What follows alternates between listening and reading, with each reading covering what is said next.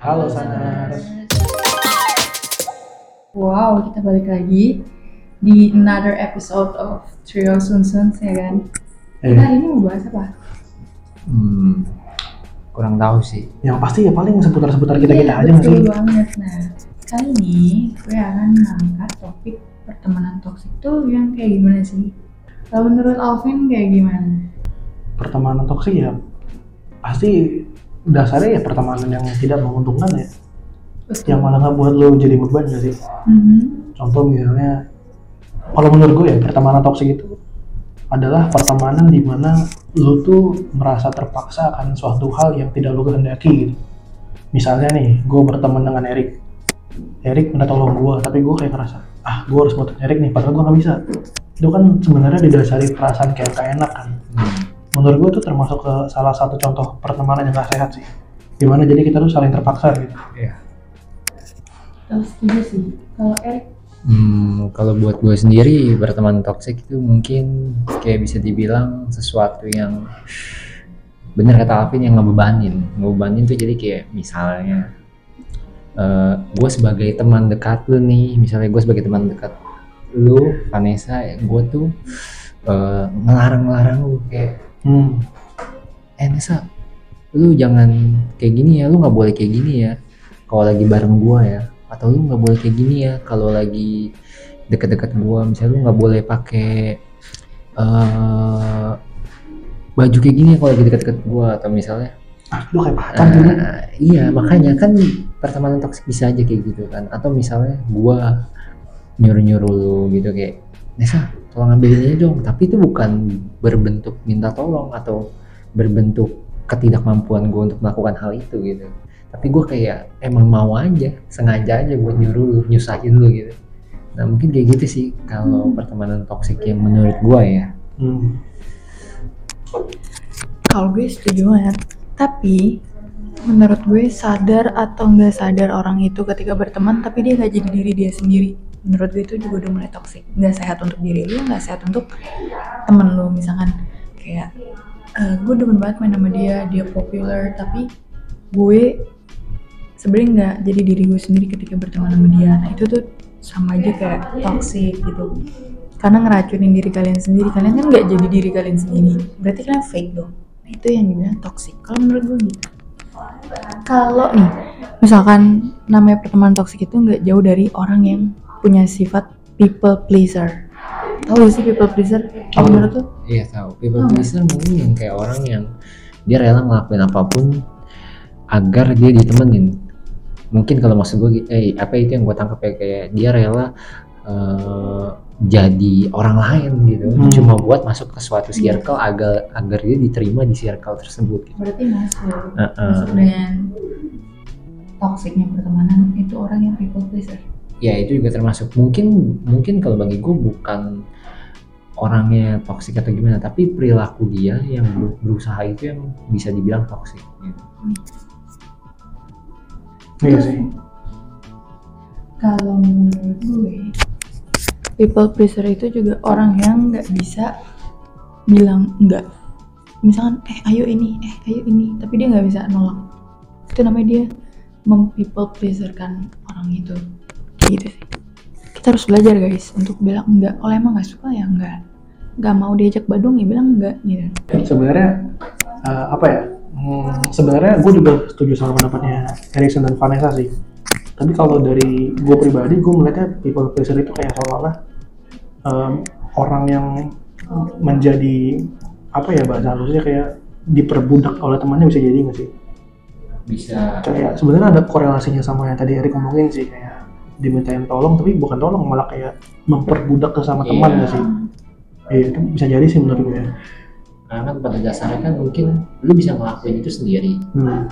lu masih mampu lah tapi ketika lu dengan sengaja nyuruh orang ketika lu dengan posisi lu yang masih bisa melakukan hal itu sendiri berarti kan secara nggak langsung lu memanfaatkan orang lain kan.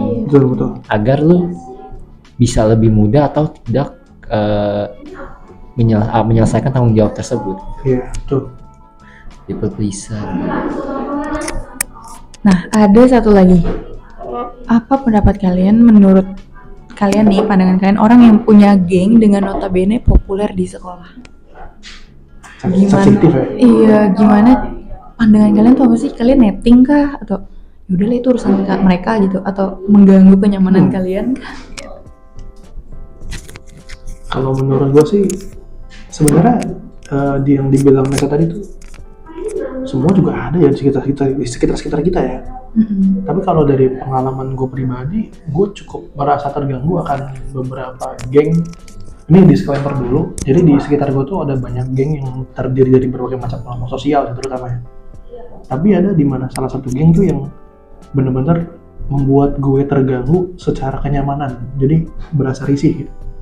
contoh misalnya ada geng tertentu yang masuk kelas tapi berisik banget. Hmm. jadi ya emang sengaja buat onar aja bukan sekedar berisik ngobrol ya. Kalau berisik emang ngobrol beda. Tapi emang kayak sengaja buat onar akhirnya kayak seolah-olah Kulit, hmm, Juli. bisa bisa jadi. Tapi dan menurut gue tuh mereka tuh ngelakuin itu biar kayak seolah-olah dipandang menjadi geng yang berkuasa nggak sih? Karena kan se- se- secara non verbal kan mereka kayak saling mengadu kasta geng nggak sih? Mereka ada kepuasan sendiri dipandang sebagai orang-orang hits atau Hmm. populer ya kan betul sih dan kalau misalkan kita bahas dari bagaimana menghindari toxic toxic pertemanan yang kayak gitu gimana nih tips buat para sana Nah, kalau misalnya gue nambahin tuh yang tadi yang soal geng gitu, kalau menurut gue eh, ini menurut opini pribadi gue sendiri ya. Eh, nam kalau namanya geng atau kelompok gini sih sebenarnya udah pasti ada, Hmm. cuma terbagi lagi nih. Ada yang biasa aja dan ada yang mengganggu gitu dalam kategori yang seperti yang tadi dibahaskan. Ada yang mengganggu. Nah, kalau bagi gue sendiri yang mengganggu ini mungkin yang biasa tuh yang terbilang tuh udah cukup besar lah. Jadi karena mereka eh, tahu mereka cukup besar dan mereka terlalu asik dengan eh, lingkungannya itu menjadikan mereka kadang lupa lupa akan batasan-batasan tertentu yang perlu dijaga atau tidak boleh dilakukan gitu. Nah, kalau untuk contohnya sendiri sih eh, gue belum bertemu langsung. Apa gue gue orang bukan orang yang tipe yang terlalu merhatiin ya tapi ya pasti ada pasti ada di luar-luar sono dari zaman gue sekolah juga ada dan gue pernah juga jadi salah satu eh, yang anggota kelompok apa sekelompok apa anak-anak iya yang gue di sekolah tuh juga badung gitu dihukum bareng-bareng bikin masalah bikin nona pernah cuma itu dulu aja pas masih sekolah. Untuk sekarang sudah nggak pernah. Gitu aja sih mungkin ya ada yang mengganggu. Cuma memang beberapa aja karena nggak bisa dipungkiri semua orang pasti akan punya kelompok gitu. Cuma yang membedakan itu aja.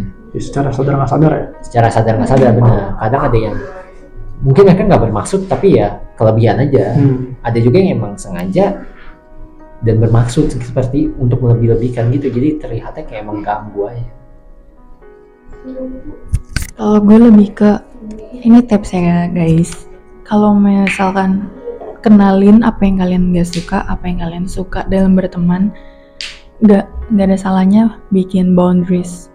Apa ya bikin batasan. Oh ini cukup sekian batasan gue berkawan. Kalau misalkan lebih dari itu berarti oh ini udah toxic atau ini udah red flag. Itu it's okay sih guys. Jadi untuk menjaga kesehatan mental juga ya zaman sekarang. Jadi making boundaries is important gitu guys. Terus kalau misalnya ngomongin cara menghindarinya sih, ya nggak jauh-jauh sih. Lo harus kenalin dulu kelebihan dan kelemahan dari diri lo sendiri. Nah nanti dari kelemahan dan kelebihannya itu lo tahu batasan lo tuh kayak gimana. Batasan lo kayak lo sesanggup apa sih buat handle orang-orang yang berhubungan sama lu gitu. Ketika lu nggak mampu handle atau orang tersebut nggak mampu menghandle lu dan memaksakan hal kedua hal tersebut ya itu akan menjadikan sesuatu yang toksik gitu jadi balik lagi lu harus mengenali diri lu dan lu harus mengenali orang yang berhubungan dengan lu dan lu nilai apakah lu sanggup untuk menghandle dan apakah orang tersebut sanggup untuk menghandle dengan cara yang baik dan benar itu sih oke oke oke Itu aja sih ya guys. ya Sharing tips untuk mengatasi toxic toksiknya pertemanan zaman sekarang. benar Kita bertemu lagi di kapan-kapan kapan lain. sekian dari kita. gue Erikson Gua Alvin. Bye. Thank you guys.